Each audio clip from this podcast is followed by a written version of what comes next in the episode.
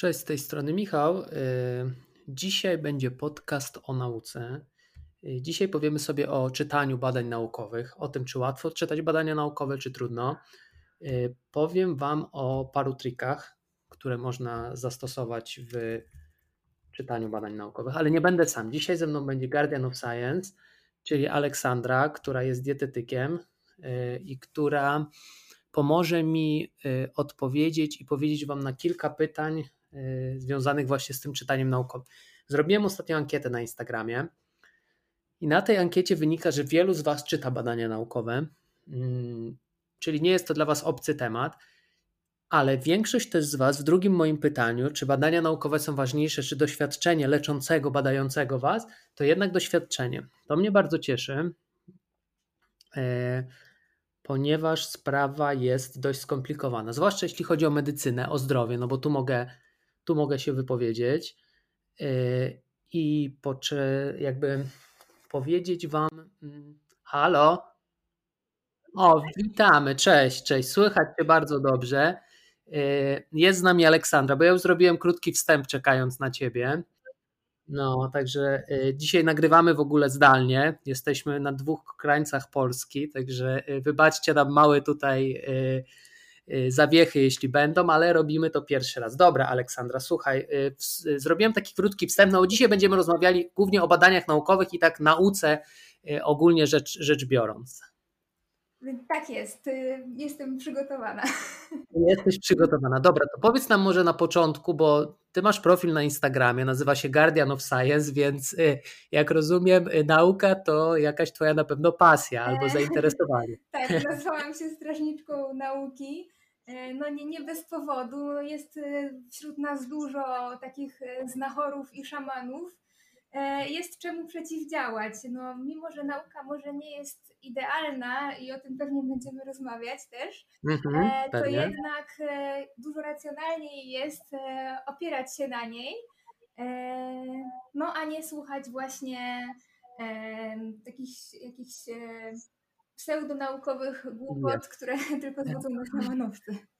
Czyli y, twoją jakby motywacją, czy tym, co jakby takim głównym powodem, to było to, że widziałaś dużo dezinformacji, jak rozumiem, tak? Tak, tak. Czy... Sama zanim, zanim zaczęłam y, studiować dietetykę, e, mhm. też wpadałam w dużo takich pułapek. E, okazywało się właśnie, że to nie jest takie łatwe, żeby dotrzeć do tego, co jest prawdą.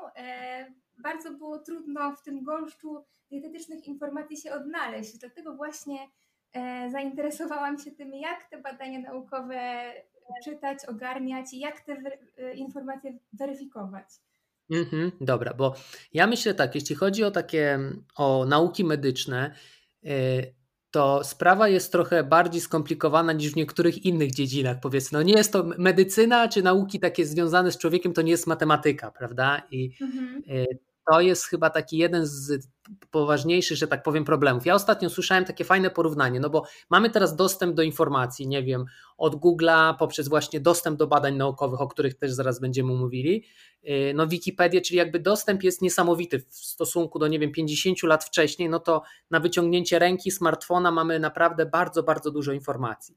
Tylko teraz jakby mm, problem moim zdaniem i widzę, ktoś też tak o tym mówi, że y, szukanie informacji, a szukanie wiedzy. No bo powiedzmy, jeśli szukamy, jaka jest stolica Francji, no to internet, Google jest super w tym, w tym mhm. temacie. Ale jeśli szukamy już jakiejś wiedzy na zasadzie, y, dlaczego wybuchła, nie wiem, wojna między Stanami Zjednoczonymi a Irakiem, nie ma tam takich, to nie jest to nie jest jedna informacja jakby. Masz rację, mm. zdecydowanie. To, to wymaga rozumienia pewnych zjawisk, doszukiwania mhm. się, e, jakiegoś też użycia jakiejś logiki, wyciągania wniosków, tylko właśnie trzeba mieć, e, trzeba tych informacji mieć e, sporo i, i, i je jakoś połączyć.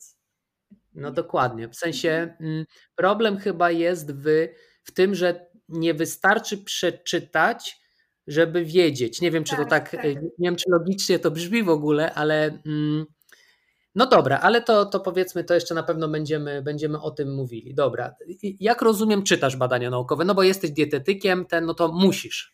E, mam poczucie, że bez tego się nie da. W ogóle każdy pracownik ochrony zdrowia szeroko rozumianej chyba powinien Mhm, Myślę, że no, le lekarze y, tym bardziej, prawda? Jasne, jasne. Dobra, a powiedz w ogóle, jak szukasz tych badań naukowych? Bo powiedzmy, masz jakiś temat, który chciałabyś zgłębić. Jaka jest Twoja, powiedzmy, technika? Jak Ty to robisz? Powiedz mi. Um, przede wszystkim, e, to znaczy tak, najpierw, e, najpierw wyszukuję e, informacje w internecie. Często używam angielskiej Wikipedii, żeby mhm. rozeznać się w temacie. Ojej, przepraszam, ale muszę chyba Mam niepodłączony kabel. Ale słychać Cię bardzo dobrze. E, sekundkę, muszę podłączyć komputer, bo okazało się, Dobra. że mam Dobra, spokojnie, podłącz sobie komputer, więc może powiem, jak ja to robię. Dobrze. No, więc faktycznie tak, y, jeśli chodzi o badania naukowe, pracownicy medyczni, czyli osoby, które jakby z wykształcenia i ich pracą czy to są właśnie lekarze, dietetycy czy, czy fizjoterapeuci, no, pielęgniarki, no każdy pracownik, pracownik medyczny musi być na bieżąco z wiedzą, czyli musi czytać badania naukowe, bo wiedzy jest dużo, ona się pojawia i aktualizuje cały czas. Niestety nie ma tak, że ktoś kończąc studia może sobie powiedzieć, że wszystko już wiem albo nie muszę się uczyć. Niestety lekarze, Y, fizjoterapeuci, dietetycy, no jesteśmy skazani w cudzysłowie na to, że musimy cały czas aktualizować swoją wiedzę i być up to date. Y, no ja na pewno korzystam z PubMedu i to jest chyba taka dość znana strona, w której y, faktycznie anglojęzyczne, ale nie tylko, anglojęzyczne artykuły takie z całego świata, część dostępna dla wszystkich za darmo, no część niestety po, po, po zapłacie i czasem niemałej. I to jest takie moje główne źródło tych, tych badań naukowych, ale korzystam też z takiej, jakby, no nie wiem, strony Cochrane, ona się nazywa. I to jest y, strona, w której y, jest jakby mm, sprawdzana, sprawdzane też te badania naukowe, jakby kolejny etap tych badań naukowych, czyli zgodnie z evidence-based medicine. Jesteś z nami, tak, tak Aleksandra? Tak, jestem, jestem, Dobra, dobra. To czyli ja korzystam z PubMedu, używam Cochrane'a też. Y, no oczywiście angielska Wikipedia jak najbardziej. Y, no i tam y, na przykład z Ministerstwa Zdrowia naszego, z Ministerstwa mhm. takiego w cudzysłowie Ministerstwa Zdrowia oczywiście w Stanach Zjednoczonych, w Wielkiej Brytanii. Czyli strony jakby rządowe jakby. Tak, zdecydowanie. Coś takiego, bo wydaje mi się, że pierwszy etap tej wiedzy, no to jest wiarygodne źródło informacji. Mhm, dokładnie właśnie ta angielska Wikipedia, którą wspomniałeś, e, myślę, że właśnie jeśli Wikipedia to, to, to nie polska, tylko angielska, ona jest dużo bardziej rozbudowana e, i ma sporo odnośników. Jeśli chodzi o takie rozeznanie się e, w temacie, ja sobie właśnie najpierw od tego zaczynam, żeby zobaczyć, co tam napisano w angielskiej Wikipedii, jeśli temat nie jest mi za bardzo jeszcze znany. E, I potem wrzucam właśnie też hasła w PubMed. A jeśli nie mam mhm. wystarczająco dużo tych informacji, e, no to korzystam jeszcze jak z jakichś tam, tak jak ty wspominałeś, e, dodatkowych źródeł. Czasami, czasami pomaga wpisanie w Google po prostu jakieś pewne mhm. zagadnienie i research, dopisek research, czy czasami na ResearchGate są jakieś, mhm. jakieś publikacje także staram się na różne sposoby dotrzeć do jakichś danych. Mhm. E, no i myślę, że ważne jest, żeby zebrać sobie taki całościowy obraz, bo to, że będziemy mieć jedno badanie, to to jeszcze nic nam nie daje, bo może się okazać, że znajdziemy badanie na potwierdzenie tego, co sobie myśleliśmy, ale ominie nas wiele badań, które mówią coś zupełnie przeciwnego. Jasne. I to jest w ogóle temat, który zaraz na pewno poruszymy, ale powiedzmy podsumowując, jeśli chcecie zabrać się za czytanie badań naukowych, czy to z powodu, no nie wiem, jedni z ciekawości, drudzy, bo faktycznie macie jakiś problem zdrowotny, na który nikt wam nie potrafi pomóc, to na pewno wiele źródeł informacji. Nie ograniczać się do jednego źródła informacji. Ja uważam, że to jest ważne. Mhm. Jakby. Mm, i żeby to były wiarygodne jakby źródła, czyli ten PubMed, czy powiedzmy jakieś strony rządowe, bo stron ogólnie z takimi informacjami, wielokrotnie też powielanymi, i też uważam to za problem, bo często wyszukując właśnie takie różne frazy naukowe, powiedzmy, e, nie wiem, mm, zapalenie gardła, czy ten COVID, który, który się pojawił, to wiele osób jakby na, na, swoich stronach powtarza to, co gdzieś tam wyczyta. I powiedzmy, dziesiąta osoba, która powtarza po tej dziewiątej, wprowadza wiele mm, błędów w to, w to mhm. wszystko jakby y, wchodząc tylko na jedną stronę i wyciągając wnioski z jednej strony i to też nie takie właśnie bardzo wiarygodne, już popełniamy ten pierwszy błąd, czyli jakby mamy nieprawidłowe informacje. Tak, czyli trzeba po prostu u źródła. U źródła, tak, tak. No to też nie jest łatwe. No, nie, no dobra, ale po, powiedzmy, że znajdujemy jakieś, jakieś badania naukowe, no bo to też jest taki temat, mm, powiedzmy, dyskusyjny. No bo czy Twoim zdaniem, mm, dobra, może inaczej zapytam. Mm, jest jakiś, jakiś problem zdrowotny, no w Twoim przypadku dietetyczny jakiś, jest i są dwa czy trzy badania naukowe na ten temat. I jak ty w ogóle, no bo nie masz gdzie indziej tego porównać, powiedzmy, mhm. jest bardzo świeży temat i jak byś poradziła komuś, kto, jakby, kto by chciał mm, sprawdzić, czy te badania są wiarygodne? Na przykład w jaki sposób, taki wiadomo, no, najprostszy dla kogoś, kto nie jest jakimś tam specjalistą, statystykiem, mhm. jak y, sprawdzić wiarygodność badań naukowych, czyli czy to badanie to jest faktycznie coś ważnego i dobrze zrobionego, czy raczej, czy raczej nie? Mhm. No tu jest właśnie dużo takich małych elementów, które się składają na tą jakość badań. Może tak, najpierw powinniśmy zobaczyć, co to jest w ogóle za badanie, bo badania mają swoją też hierarchię. Najlepiej, jeśli mamy jakieś metaanalizy, czyli to są publikacje, gdzie porównuje się dane z wielu podobnych badań, ale mhm. mówisz akurat o sytuacji, gdzie jest ich mało, no to nie będziemy tego mieć. Tak, załóżmy o takiej prostej sytuacji. Wiem, że to się raczej nie zdarza, ale myślę, że to może być taki schemat, który pomoże też pokazać, mhm. jak my myślimy i jak osoby, które się tym zajmują. Jest powiedzmy jedno badanie naukowe, wychodzi w tym momencie. Powiedzmy, mhm Y, że to jest, nie wiem, ziemniak leczy cukrzycę. Weźmy taki powiedzmy wymyślony, wymyślony ziemniak leczy cukrzycę. Znajdujesz badanie naukowe, ktoś ci mhm. podsyła, słuchaj, masz cukrzycę, znalazłem jedno badanie, w którym jest napisane, że ziemniak leczy cukrzycę. I co robisz? E, patrzę, czy to badanie było badaniem, no złotym standardem jest takie badanie randomizowane z y, ślepą próbą, gdzie ani pacjent, to... ani mhm. lekarz nie wie, co, co było podawane. Czy, czyli był podawany albo ziemniak, albo coś, co imituje ziemniaka. E, Dobra. Tak. No i no. Bo znaczy tak, bo biorę na, e, teraz w ogóle pierwsza rzecz, to czy to jest badanie na ludziach, o tym jeszcze do tego nie O, właśnie.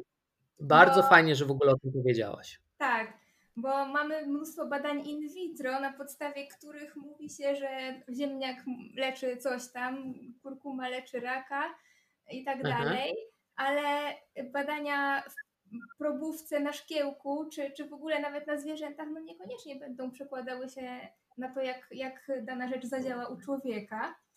I, I, o ile no, w takim momencie takie, takie badanie może dać nam do myślenia, jest to jakaś informacja, jest to coś do dalszego zgłębiania, no to jednak to nie jest podstawą do tego, żebym ja w to uwierzyła, że to tak zadziała jeszcze. Super, dobra, czyli przepraszam, że ci przerwę, ale to taki pierwszy punkt, tak. czyli sprawdzajcie zawsze na, na, kim było wykonywane badanie, bo to jest na pewno ważne, czyli czy to jest faktycznie na komórkach, czy to jest na zwierzętach, czy to jest na ludziach, bo tak jak Ola mówi, że w wielu sytuacjach zdarza się, że jest, jest jakiś przełomowy tekst, a no niestety, czy to gazety, czy telewizja, czy niektóre konta gdzieś na Instagramie, Facebooku bardzo łatwo to podchwytują, z racji, że to jest klikalny temat. Dokładnie. I jakby widzimy to, że na przykład wysokie stężenie jakieś tam powiedzmy tego ziemniaka, załóżmy, wiem, że to może tak głupio brzmi, ale fajnie będzie w ten sposób to pokazać, powoduje, że powiedzmy y, komórki, trzustki się regenerują. No i ktoś wyciąga wniosek, może to leczyć raka. Mhm. I tu już mamy ten pierwszy problem, bo to nie było tworzone na ludziach, ale jeśli ktoś na przykład już by podchwycił ten temat i zrobił na Instagramie czy na Facebooku tekst jedzcie ziemniaki, wyleczycie się z cukrzycy. I tu już, i tu już jakby y, ty nie będąc jakby świadomy na przykład tych efektów ubocznych ziemniaka, jeszcze nie daj Boże, jak ktoś powie powiedzmy surowego, czy, czy różne tam doda, doda rzeczy, to oprócz takich powiem gastrycznych problemów, no może dojść do tego, że sobie pogorszycie stan zdrowia, no bo jeszcze ktoś, ktoś następny przeczyta ten temat, doda, jedzcie tylko ziemniaki. Przez rok jedz tylko tak. ziemniaki i wyleczysz się z cukrzycy, prawda? Chodzi o to, że y, łatwo, różni ludzie z różnych powodów, o tym też może powiemy, ale wyciągają dalekosiężne wnioski na przykład z badania na komórkach. Czyli pierwsza rzecz, patrzymy na kim było badanie. Dobra, lecimy dalej. Później zobaczmy, jak duża grupa osób brała udział w tym badaniu. Mhm. No bo jeśli to jest na kilku osobach, to, no to, no to jest jednak słabo. jeśli to jest na, jakiej, na jakich osobach? Może to było na osobach starszych i to nie będzie się zupełnie przekładało na osoby młodsze.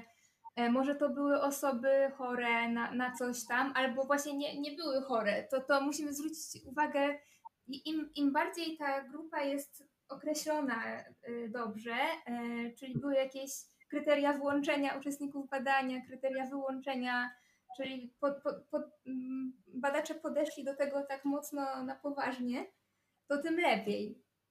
Dokładnie. I to jest też, tak, to jest też bardzo ważne, żebyśmy wiedzieli, ile osób brało udział w badaniu. A dlaczego? No bo jak sami doskonale wiecie, bardzo się różnimy od siebie, zarówno ze względu na wygląd, ale też no powiedzmy w niektórych sytuacjach nasze, że tak powiem, metabolizm, nasze serce no, no, działają na podobnych zasadach, ale w wielu sytuacjach, zwłaszcza w przypadku interwencji medycznych, interwencji dietetycznych, to się nie przekłada. Nie ma jeden do jednego.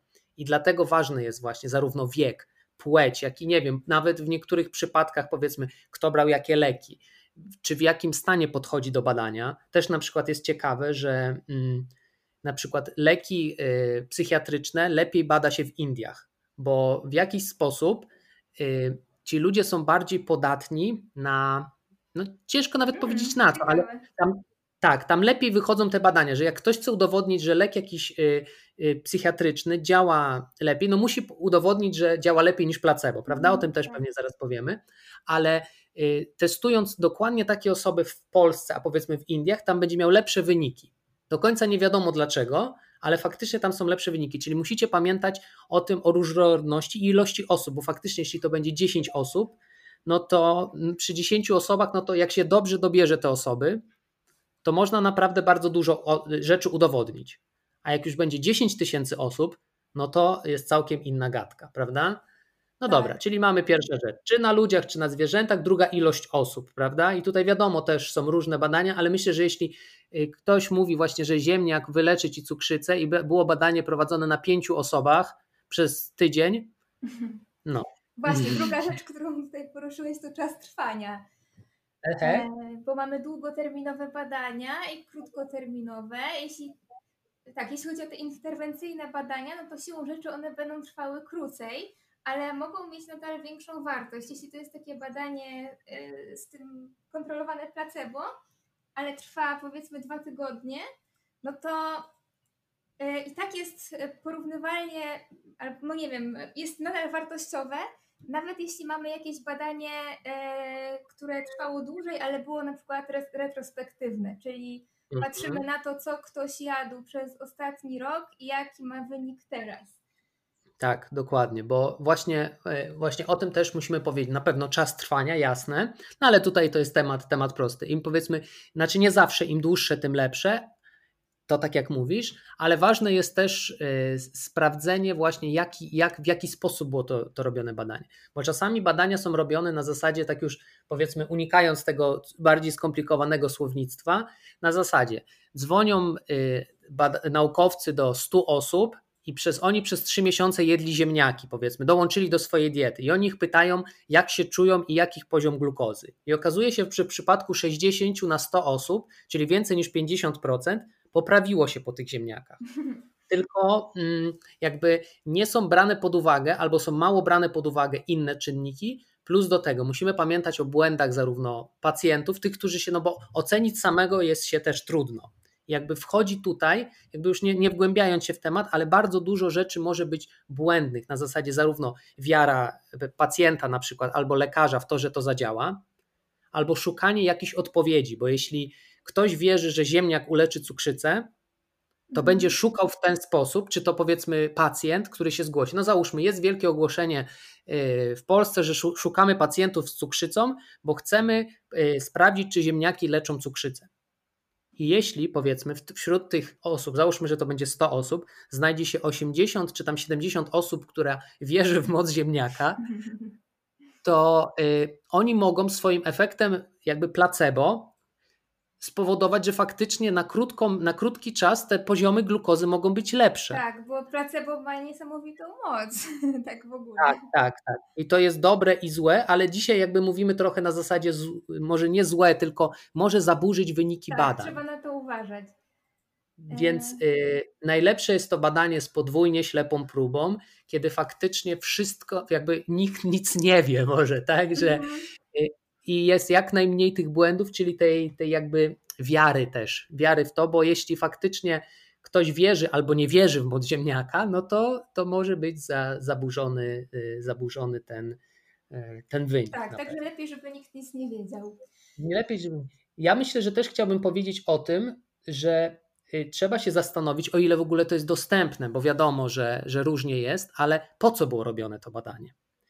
Bo jeśli powiedzmy zdarza się sytuacja, że mm, ktoś już, nie wiem, wyprodukował lek albo jest w ostatniej fazie produkcji i okazuje się, że wyszło mu w nim, że oprócz powiedzmy, niech to będzie lek na tą cukrzycę, ale podczas jakiejś tam kolejnej fazy badań okazuje się, że on leczy też załóżmy trądzik. Mhm. Czyli fajnie, czyli dla producenta czy twórcy potencjalnie może dojść do zwiększenia jakby zysków, no bo oprócz leków leczących cukrzycę może też sprzedawać ten lek jako leczący trądzik. I może się zdarzyć sytuacja, nie mówię, że to się zdarza często, czy ten, ale były takie y, w historii przypadki, dlatego też o nich warto wiedzieć, że badanie było robione po to, żeby udowodnić jakby to, co, to, co chcą. Czyli jakby y, trzeba też patrzeć, jakie są konflikty interesów. O, o to mi chodziło. Okej, okay. no tak, właśnie. Jest taki podpunkcik w tych badaniach, jak sobie przejrzymy. Mamy różne części. Yy, mamy jakiś tam wstęp, yy, meto metody, yy, dyskusja i tak dalej. I mamy też taki podpunkcik, często konflikt interesów. No i tutaj to najczęściej jest napisane, że autorzy nie deklarują żadnego konfliktu interesów, ale też się zdarzają tutaj bardzo rozbudowane opisy czasami się spotkałam.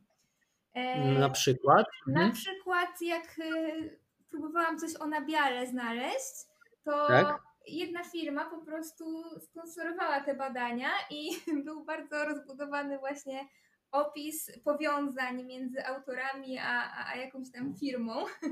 Także mm -hmm. to daje do myślenia, że tak, tak. innego. I też warto właśnie pamiętać, no bo jakby zła jest oczywiście też tendencja, ja staram się to też z tym walczyć, tej złej big farmy, czyli że y, wszyscy naukowcy to się, słyszałem takie opinie, że, że wiadomo, że to jest tylko, żeby sprzedać i żebyśmy cały czas byli chorzy, a nikt żeby nie wyzdrowiał, no, no. prawda?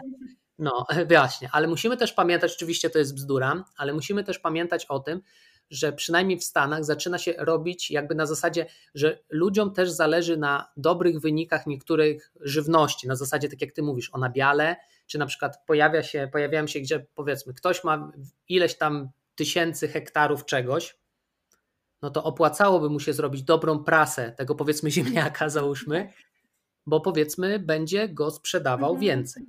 Prawda? Potem I dlatego się pochwalić tymi badaniami i zobaczcie, jakie zdrowe ziemniaki i te moje są szczególnie zdrowe, także kupujcie. Dokładnie. Ja, ja widziałem taki konflikt interesów w przypadku wody kokosowej, o. że y, tak, że w Stanach, y, nie pamiętam jakie to, jakie to były lata, ale tak całkiem niedawno, y, że faktycznie wyszło dużo badań, które mówiły, że właśnie woda kokosowa jest bardzo dobra dla sportowców, bardzo dobra w przypadku ogólnie nawodnienia, i któryś z naukowców, któryś takich może popula, populiz, populizator nauki, mhm.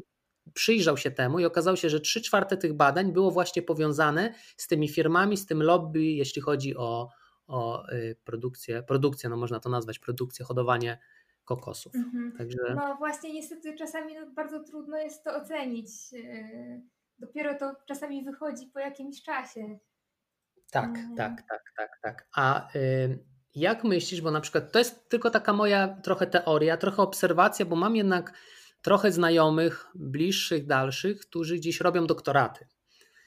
E, I mam wrażenie, że niektóre z nich, jakaś tam część, ciężko mi ocenić jaka, to jest tylko taka, takie moje spostrzeżenie oczywiście i tutaj y, mogę się nawet z tego nie wybronić, ale są robione tylko po to, żeby ten doktorat zdobyć. A najłatwiej zdobyć doktorat, jeśli się faktycznie raczej coś udowadnia, niż, niż to się nie udowodni.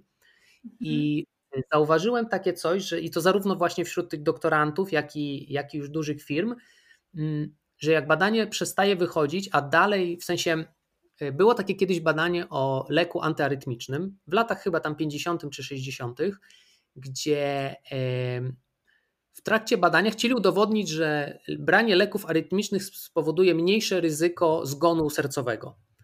Y, przeznaczono na to dużo pieniędzy, dużo osób było, ale w połowie badania wyszło, że już są pewni, że tak nie jest. I ale nikt, I nikt nie, nie dokończył tego badania, no a jak nie dokończył, to nie mogło być opublikowane. A jakby część leków, tych, które już były na rynku, były dalej stosowane i niekiedy są do dzisiaj. W sensie nie zostało udowodnione, że one, może nie zostało udowodnione, że szkodzą, ale nie zostało też do końca udowodnione, że że one faktycznie działają, a w y, publicznej jakby takiej opinii i czasem też w ulotkach jest napisane, że one faktycznie wpływają na zmniejszenie ryzyka zgonu. I to jest, wydaje mi się, też problem w badaniach naukowych. Nie wiem, czy, czy ty masz w ogóle jakieś takie spostrzeżenia, obserwacje? E, no tak, faktycznie, masz rację. To jest w ogóle bardzo szkodliwe, że nie są publikowane takie negatywne wnioski niektóre, bo to nam zaburza w ogóle mm, no nie możemy wyciągnąć dobrych wniosków, tak? Czyli nauka się nie rozwija, tylko e, z jakichś tam różnych pobudek e, stoi w miejscu i wierzymy w nie to, co powinniśmy. Tak, tak. Znaczy ogólnie rzecz biorąc tak. E, wydaje mi się, że trzeba też sobie już odrzucić takie romantyczne pojęcie naukowca z XIX wieku. Że on sobie siedzi w laboratorium, ma swój mikroskop, Y, i po prostu poświęca swoje, całe swoje życie, zarówno prywatne, jak i powiedzmy finansowe, po to, żeby coś udowodnić. Ja takich ludzi na, swoim, na swojej, swojej karierze, na swoich studiach spotkałem garstkę. Większość można powiedzieć, że ja nie mówię, że to jakby, żeby to źle nie zabrzmiało, mhm. ale y, to jest dużo połączeń i jakby to jest ich praca. Naukowcy to są pracownicy, oni muszą coś wypracować, zdobyć pewne punkty edukacyjne, muszą publikować. I jakby nie jest to zawsze robione jakby z. Nie z wiem, jak to powiedzieć. pasji, żeby coś tak, faktycznie tak, odkryć. Tak. No myślę, że to się troszeczkę nie opłaca, bo no nie jest to jakiś prestiżowy, przynajmniej w Polsce, e, zawód bycie badaczem. W sensie nie jesteśmy w stanie zazwyczaj na tym dużo zarobić. E, jedna profesorka powiedziała mi, że badaczami zostają albo szaleńcy, albo bardzo bogate osoby. No właśnie. Znaczy w sensie, żeby nie zabrzmiało to w taki sposób, bo y, jakby chcę powiedzieć jasno, badania naukowe to oprócz jakby doświadczenia takich ludzi jak ty czy ja, w sensie y, powiedzmy ludzi, którzy się zajmują y, leczeniem, dietą i, i tym wszystkim wokół, to jakby oprócz doświadczenia najlepsze, co mamy, to są badania naukowe. Koniec, kropka. Tylko, że jakby przez to, co ja mówię, chcę wam trochę pokazać, że, bo widzę taką tendencję, że jak już jest badanie naukowe, to jakby wiele osób, to jest ich to ta, ostateczny argument, że mhm. takie, ta, takie jest badanie naukowe, nie można z tym dyskutować. A nie I mam, być to argument. E, tak, czasami nie powinien być to argument i też trzeba uważać, no bo na przykład mm, y, stosowanie się do tych badań naukowych tak ślepo może spowodować więcej szkody niż pożytku. Przykład. Y, jest, jest jakiś powiedzmy, nie wiem, zabieg operacyjny w którym usuwa się powiedzmy, załóżmy śledzione. I przez 20-30 y, lat chirurg robił w ten sposób operację, że usuwa tą śledzione w taki a taki sposób, zaszywa to w taki a taki sposób, pacjent zostaje w szpitalu tyle a tyle. Wychodzi badanie, załóżmy taką, mówię oczywiście takiej teoretycznej sytuacji. Wychodzi badanie, w której mówi, można to zrobić w ten i w ten sposób i w ten i w ten wypuścić pacjenta do domu. I jeśli by lekarz się do tego zasugerował, no powiedzmy, chirurg sobie przeczytał to badanie, ale nie sprawdził tych wszystkich rzeczy, o których my mówimy, mhm. a może tak być, że po prostu no, badanie będzie super, będzie w prestiżowym ten, to może dojść do tego, że on, pacjent umrze. Tak, że wyrządzi no wtedy, krzywdę po prostu. Wyrządzi krzywdę. No i wtedy jakby yy, kłóci się to w jakiś sposób jakby z tą siłą, siłą argumentu, bo na zasadzie nikt by w Polsce jakby poszedł do, do sądu i trafił do powiedzmy przed sąd, to nikt mu nie uzna czegoś takiego, że jakby, jakby działania na podstawie wyłącznie jednego czy dwóch badań naukowych, nawet w jakimś tam y, super czasopiśmie. I to jest może mocny przykład, ale chciałbym, chcieliśmy, ja chciałbym Wam pokazać w ten sposób, że trochę to jest tak z każdym badaniem naukowym, zarówno jeśli chodzi o jedzenie, o nie wiem, o aktywność fizyczną czy o coś, y, że to nie jest takie zero-jedynkowe, żeby nie, nie myśleć o tym, jak jest badanie naukowe na to, na tego ziemniaka, to to znaczy, że to trzeba wprowadzać w taki, w taki sposób. Tak, bo my lubimy słyszeć takie kolorowe, yy, mocne hasła, że jest tak i tak.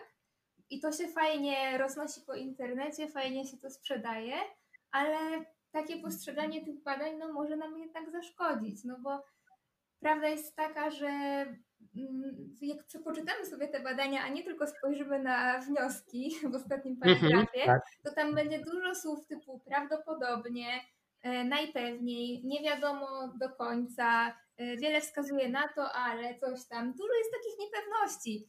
E, I trzeba mieć na uwadze, że właśnie w nauce jest dużo niepewności, ale nadal jest to najlepsze, co mamy tylko trzeba tak. umiejętnie z tego korzystać. Właśnie. I żeby umiejętnie z tego korzystać, ja uważam, no jakby moim zdaniem potrzebne, potrzebna jest konsultacja z kimś, kto to robi. W sensie, jeśli ja mam problem dietetyczny, to bardzo cenię sobie y, dietetyków. Jakby na przykład, bo y, dietetyk ma pewne doświadczenie, bo on, y, powiedzmy, na studiach dowiedziałaś się jakiejś tam puli wiedzy, Plus do tego tą pulę wiedzy sobie cały czas poszerzasz różnymi badaniami naukowymi. Ale jest jedna jeszcze bardzo ważna rzecz, której ja nie mam, a która jest moim zdaniem najważniejsza w tym wszystkim, czyli doświadczenie. Dokładnie. Bo, bo y, przynajmniej ja u siebie w swojej działce widzę, że y, pojawia się jakiś nowy lek, y, są na nie dobre badania naukowe i to naprawdę dobre badania naukowe, dobra prasa, jeździ się na wykłady, słyszy się o tym leku i jakby teoretycznie no wszystko jest super. Ale zaczyna się go stosować i okazuje się, że nie jest super. Bo I na to przykład w gabinecie.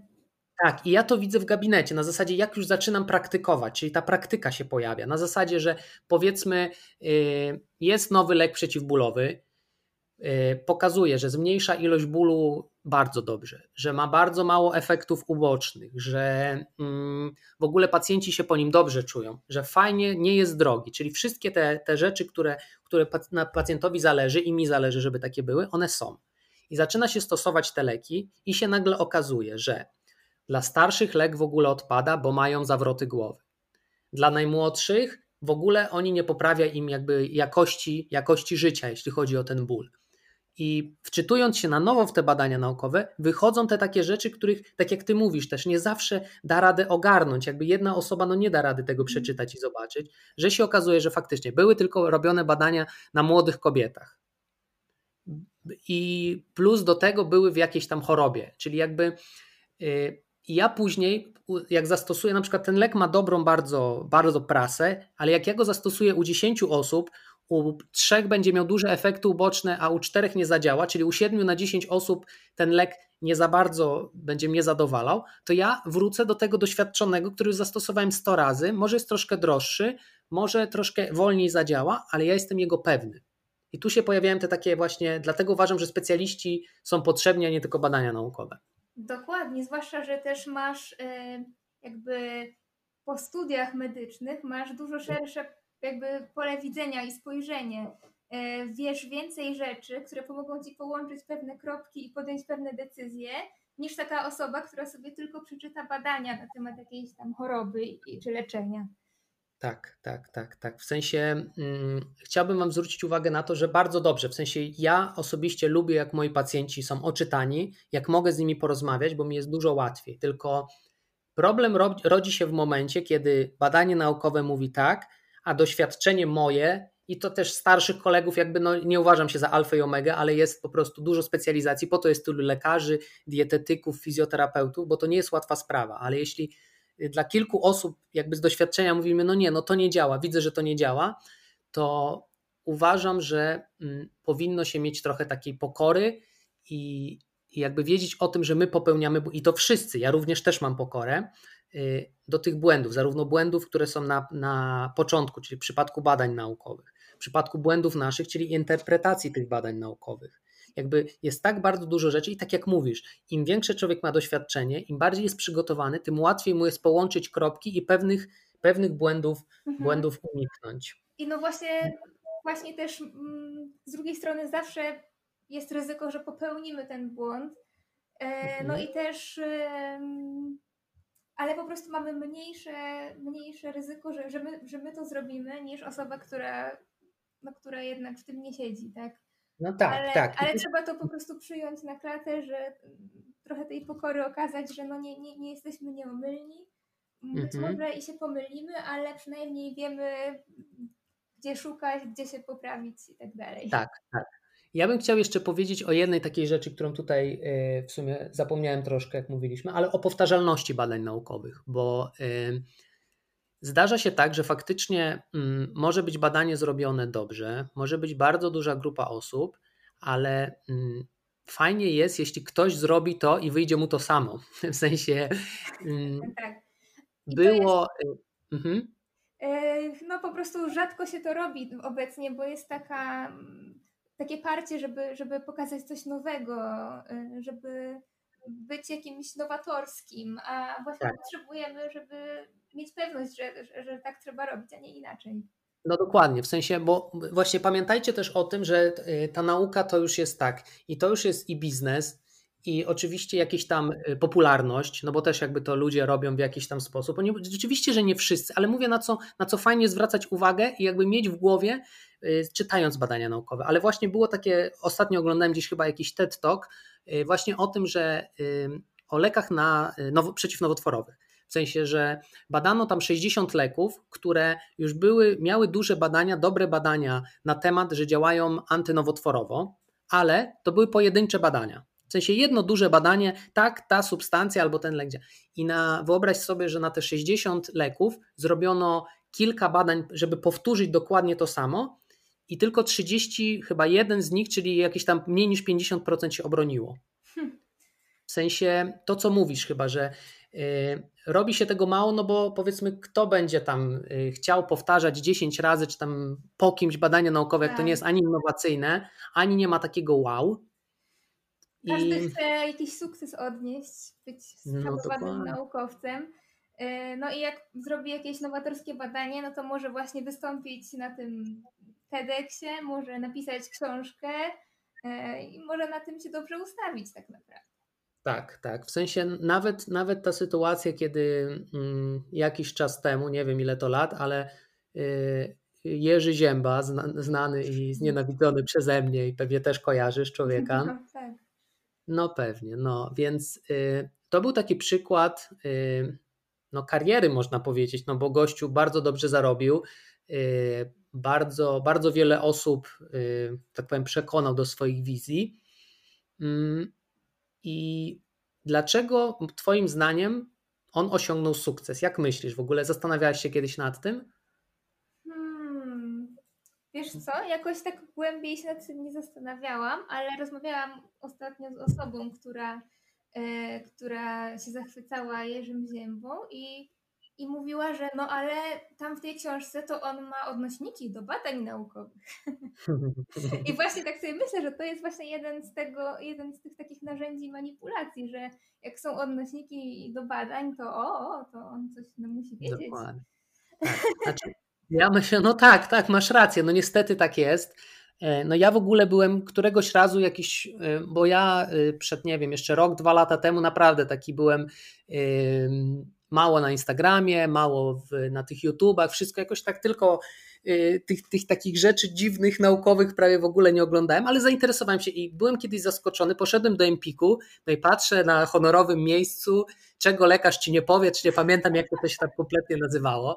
I po prostu im bardziej to przeglądałem, tym jakby no byłem bardziej zaskoczony i nie wiem, nie wiem nawet czym. Czy to, że to się pojawiło w Empiku, w sensie w takim sklepie, czy, czy to, że właśnie tam było pełno jakichś odnośników do jakichś dziwnych badań naukowych, czy może to, że po prostu, nie wiem, pół Polski, oczywiście przesada, ale pół Polski nagle zaczęło, no, jakby robić to, co on mówi. No, to jest w ogóle szokujące, że, że tak łatwo połknąć haczyk. Tak, tak. W sensie ja myślę, że jakby częścią jego sukcesu było to, że on był taki pewny siebie i przekonujący.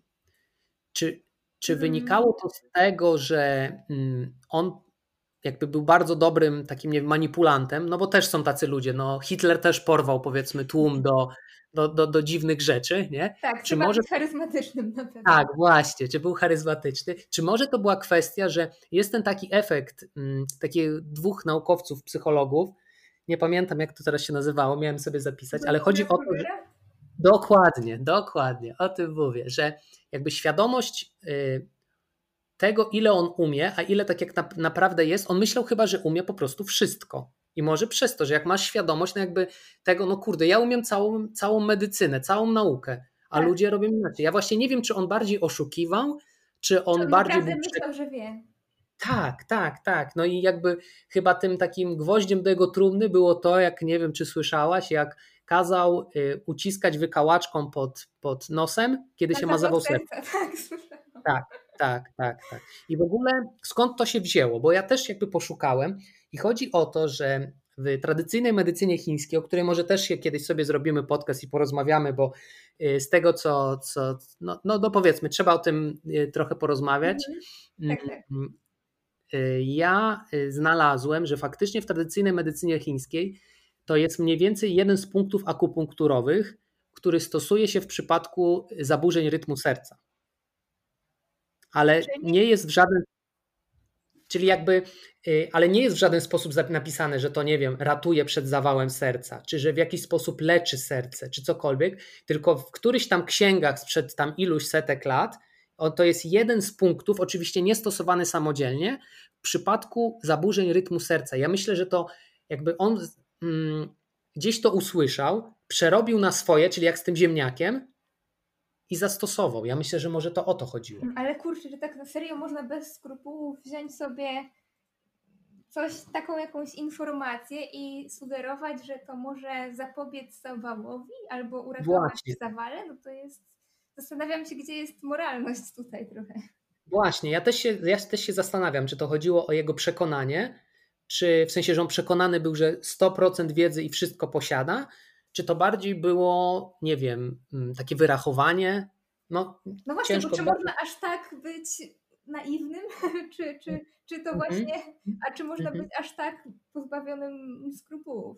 Tak, bo powiedzmy tak, bo ja jakby też się zastanawiając nad tym, bo to myślę, że ma trochę związek z, z, z, tematem, ale zastanawiałem się, dlaczego tyle, zastanawiając się, dlaczego tyle ludzi jakby za nim poszło, to wydaje mi się, że też, że on proponował takie rozwiązania Mm, szybkie, w jakiś sposób takie najbezpieczniejsze i jednoznaczne. Na zasadzie, że y, nie wiem, witamina C tam w jakichś wysokich dawkach wlew mm. super, i jesteś wyleczony, i jest koniec. Gdzie powiedzmy, głównie wydaje mi się, że złapali się na niego ludzie z chorobami przewlekłymi. Gdzie... Tak, tak, gdzie medycyna rozkłada ręce czasami, bo tak, tak a, a on tutaj daje proste rozwiązanie, no tak, tak, na pewno. Albo może nawet nie rozkłada rąk, tylko powiedzmy, no dalej powiedzmy męc, męc, męcząc tą cukrzycę, yy, cukrzycę typu drugiego, jeśli, jeśli będzie się, nie wiem, zmiany w stylu życia, ale nie na miesiąc, tylko to jest trudne, to wymaga czasu, no i oczywiście też w którymś momencie leków, badań, no i nagle, jeśli ktoś sobie myśli, kurde, to ja mam teraz chodzić do lekarza, do dietetyka, nie wiem, uprawiać sport, wydawać pieniądze na dobre jedzenie, nie wiem, kupować leki, które też on w jakiś sposób tak krytykował jednoznacznie, a jak mam, nie wiem, iść do niego na 10 zabiegów z wlewki witaminy C, plus do tego kupić jakąś tam trawę za 1000 zł i będzie po wszystkim, no, to myślę, to że... wizja jest. Właśnie, że w jakiś sposób yy, Y, on okłamał, okłamał ludzi i myślę, że tu też, też chciałbym właśnie wszystkich przed tym trochę przestrzec, przed takimi cudownymi, prostymi rozwiązaniami, przynajmniej w medycynie. Nie ma bo... drogi na skróty, musimy włożyć wysiłek. Tak, że wydaje mi się właśnie, że y, bardzo rzadko y, zdarza się w, w medycynie, no nie wiem jak w innych działkach, ale w medycynie, że coś się da zrobić łatwo, szybko, bezboleśnie i, i raz na zawsze. W sensie że takie krótkie, szybkie rozwiązanie, no weźcie sobie do ręki jakąś książkę, z, która opowiada historię medycyny powiedzmy 200 ostatnich lat, gdzie mm, pojawiał się co jakiś czas taki człowiek, który na przykład leczył, nie wiem, mm, wchodziły kobiety do wielkich bali, on podłączał jakiś rodzaj urządzenia elektrycznego i one po prostu cudownie były uzdrowione.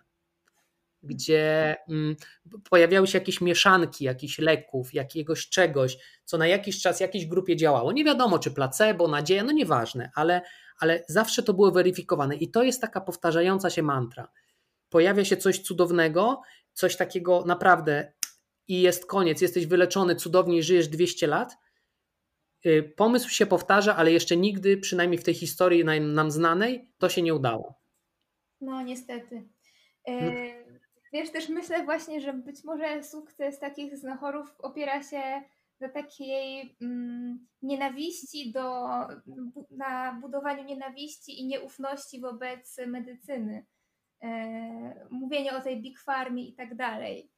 Mhm. Czyli na Może tej tak. zasadzie. W sensie, no. no tak, no bo no w sumie też jest łatwo. Tak jak no, y, zrobić z kogoś diabła, tak. a ty jesteś aniołem. Mhm. I jakby faktycznie wiele, wie, wiele ludzi, zwłaszcza, że y, też jest na pewno poniekąd problem tak, w braku edukacji w Polsce, no bo tej edukacji tak naprawdę nie ma i w szkołach, no my się uczymy, nie wiem, budowy komórki, y, to jeszcze spoko, ale powiedzmy, nie wiem, tej wszystkich części rośliny, które spędza mi sens powiek po prostu do dzisiaj, a na przykład o ciele człowieka my mieliśmy bardzo mało, przynajmniej ja jeszcze jak chodziłem do szkoły. Y, I tych takich nawet prostych zachowań, czy właśnie jeśli chodzi o ruch, o dietę, czy o jakieś takie, nie wiem, zwykły ból gardła, czy coś, no nie ma tej edukacji, więc pacjenci nie wiedzą. Takiej podstawowej wiedzy w zasadzie brakuje tak. i łatwo wtedy jest manipulować nami, bo wydaje mi się, że jak jesteśmy po jakichś studiach około biomedycznych, no to mhm. uczymy się takich rzeczy i jest troszeczkę trudniej nam pewne rzeczy wmówić, bo bo mamy mm, zasoby, żeby połączyć kropki i uznać, że to nie ma sensu już w ogóle po pierwszym zdaniu. Tak, y, tak. A, a druga rzecz wydaje mi się, że to jest kwestia po prostu mm, słabej w cudzysłowie medycyny w Polsce, ale nie pod tym względem słabej, że są słabi lekarze, tylko niedofinansowanej i y, takiej z brakiem czasu bo wiem, jak to wygląda często w takiej y, na Narodowy Fundusz Zdrowia, czyli jak ktoś idzie za darmo do lekarza, to po prostu upchany jest grafik do granic możliwości. Faktycznie. No i można właśnie tutaj sobie błędny wniosek wysunąć, daleko tak. idący, że lekarze są, nie wiem, no, do niczego, bo, ale, ale po prostu nie, nie mieli możliwości zająć się tym pacjentem tak, jakby chcieli. Tak, tak. I ja widzę też jakby to na zasadzie, że gdy ja mam no różnie u mnie jest pracy, ale zdarza się, że mam, nie wiem, 10 minut na pacjenta i fajnie, jak to jest pacjent, którego znam, który ma jakąś prostą sprawę do załatwienia, ale jeśli pacjent jest znowu rozpoznaną na przykład cukrzycą, a ja w 10 minut muszę mu wytłumaczyć istotę choroby, wytłumaczyć yy, dietę, napisać leki, pokazać jak działa glukometr, to to jest naprawdę bardzo, bardzo ciężkie. I często zapraszam, tak, to jest tak. I często zapraszam na drugą wizytę pacjenta. No ale wiadomo, jak jest. Czasem już nie ma czasu. Czasem przyjdzie, a ja znowu mam dla niego, nie wiem, 7 minut, 10 i proszę, żeby czytał. Proszę, żeby się dokształcał i żebyśmy rozmawiali. I wtedy, jeśli podam mu dobre strony internetowe i on z nich korzysta, jest super. Ale czasem myślę, że i ja też tutaj popełniam ten błąd, że, że mówię, no niech pan poszuka w internecie, jak coś czy pani, i proszę wrócić. I oni czasem nie wracają, myślę, trafiają na takiego Jurka Ziębę. Właśnie, kurczę. A on ma czas, bo on jakby wie, że jak wytłumaczy i zrobi to gdzieś filmik na YouTubie, no to wtedy wszyscy tą trawę cytrynową jego kupią za 1000 zł i, i po prostu wpada, czyli błędów jest, jakby problemów to jest moim zdaniem problem złożony. Yy, I, I myślę, że ty i ja trochę też jakby tworząc te nasze treści w, w internecie, to chyba też chcielibyśmy te, te, temu zapobiegać w ten sposób, tak mi się wydaje. Nie wiem, jak tak, czy, czy tak, tak widzisz. Żeby po prostu był większy dostęp do tych treści, które będą pomocne, wartościowe, żebyśmy po prostu dali mniej miejsca tym znachorom. Tak, tak. Albo przynajmniej byli, byli na równi z nimi, żeby był taki sam dostęp do, do, do powiedzmy takiej wartościowej wiedzy i do tego takiego no, szarlataństwa, no nazwijmy to nazwijmy to w ten sposób. Dobra, i tak na koniec to jakbyś takie, nie wiem, wskazówki komuś, kto by chciał, jakby no dba, dba o swoje zdrowie i chce czytać badania naukowe. To co jest według Ciebie takie, takie najważniejsze, o czym musi pamiętać? E, podsumowując to, co mówiliśmy, tak? No tak, myślę, że tak, żebyśmy jeszcze, jeszcze tak na koniec powiedzieli taki e, take home message dla każdego. Dobrze, no to y, sprawdźmy czy te badania były na ludziach, czy to było kontrolowane placebo, czy po prostu czy, czy, czy lekarz i pacjent nie wiedzieli, co jest podawane, tak, żeby nie było tutaj mhm. złych wniosków.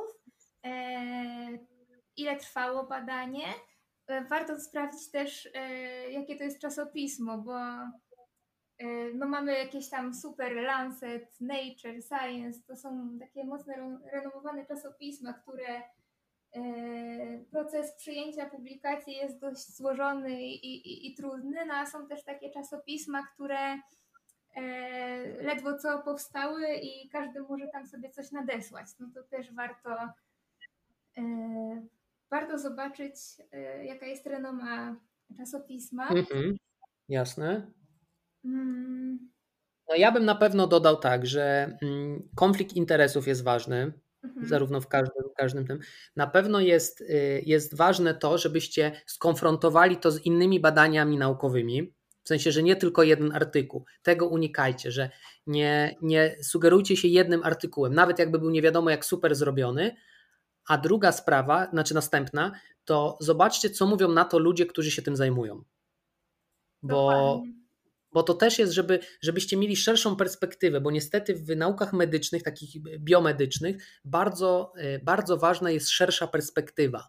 Bo jeśli tak się sfokusujemy na jednym badaniu, na tym nieszczęsnym ziemniaku, którego męczę i którego przepraszam za to, że bo jest super i go bardzo lubię, ale mm, jeśli się tak już skupimy na tym, na tym ziemniaku, e, a nie zobaczymy jakby całego tego, co mówią na ten temat dietetycy, co mówią na ten temat lekarze, no i co mówi też Twój zdrowy rozsądek czasem, to możemy bardzo wiele błędów popełnić i jeszcze połowa biedy, jak, y, jakby szkody, jeśli nie wiem, zrobimy post na Instagramie i nagle się okaże, że to głupota, super, to jeszcze jest naprawdę nie problem. Ale jeśli zastosujemy to dla siebie, albo już broń Boże, jak ktoś słyszy, że komuś poleca coś, jakby nie, nie znając się na tym, na podstawie badań naukowych, no to bierzcie pod uwagę to, że naprawdę możecie komuś, komuś zaszkodzić. Mhm. Myślę, że jeszcze warto wspomnieć, żeby nie czytać tylko ostatniej linijki, jaka jest konkluzja tego badania naukowego, bo tak jest łatwiej, na pewno. Warto spojrzeć jeszcze na mm, podpunkt dyskusja i tam powinniśmy mieć informację, jak wyniki tego badania mają się w odniesieniu do podobnych badań. Czy, czy te wyniki zostały potwierdzone, czy są jakie jest prawdopodobieństwo, że, że mm, te wyniki będą miały zastosowanie czy to jest coś zupełnie nowego, co jeszcze się nie pojawiło, czy właśnie potwierdza poprzednie wyniki, tak? Tak, tak, dokładnie. I no, czyli jakby mam nadzieję, że dzisiejszy ten podcast troszkę Wam podpowiedział przynajmniej, no bo temat jest naprawdę, fajnie by było, jakbyśmy może kiedyś jeszcze sobie zaprosili jakiegoś statystyka, który by nam tak opowiedział bardziej technicznie o tym, może kiedyś się uda, e, ale y, to, co Wam powiedzieliśmy, to są takie podstawy, które uważam, że warto się trzymać, żeby sobie krzywdy nie zrobić. E, uważam też, że warto sobie znaleźć e, zaufanego lekarza, zaufanego dietetyka i osoby, z którymi, czy nawet może wśród znajomych pewnie macie też takie osoby, które Wam trochę podpowiedzą z takiego doświadczenia po prostu, czy to działa. Nie? Bo żebyście o tym też pamiętali, że badania naukowe to jest najlepsze, co mamy, ale często w zderzeniu z doświadczeniem i z taką praktyką, to czasem wychodzi, wychodzi blado. Wiesz co, jeszcze bym dała taką jedną radę, bo mhm. odnalezienie się w tych badaniach jest trudne i to wymaga czasu, ale mamy jeszcze wytyczne przez różne e, organizacje czy stowarzyszenia medyczne e, produkowane, czyli na przykład mamy sztab ekspertów od cukrzycy, Polskie tak. Towarzystwo Diabetologiczne na przykład. Dokładnie. I oni wydają mhm. różne rekomendacje. I to są rekomendacje na podstawie badań naukowych, czyli oni już zrobili tą robotę za nas, przejrzeli, hmm, tak. co ma sens, co jest powielone, co możemy zastosować i, i myślę, że osoba, która no nie ma w tym doświadczenia albo nawet nie chce, nie umie, to po prostu może sobie zerknąć na takie wytyczne, rekomendacje e, i się tym kierować. Albo mamy, jeśli chodzi o dietę, mamy Instytut Żywności i Żywienia i oni też mm, wypuszczają co jakiś czas normy żywienia. No, to jest no i... dobre źródło mhm. informacji. No ja myślę, że lepiej już podsumować tego podcastu nie możemy. Dziękuję Ci Ola. Ola prowadzi na Instagramie Guardian of Science. E, bardzo fajny profil, taki dietetyczny, także na pewno, na, na pewno polecam Wam do obserwacji. I co? No, y, dziękuję Ci za rozmowę. Mam nadzieję, że pierwszy podcast, ale nie ostatni. Dziękuję bardzo, Michał. Bardzo dobrze mi się z Tobą rozmawia, także ja bardzo chętnie. No i super, dobra. To dziękuję Ci bardzo. Do zobaczenia i dzięki, dzięki za rozmowę. Do zobaczenia, cześć.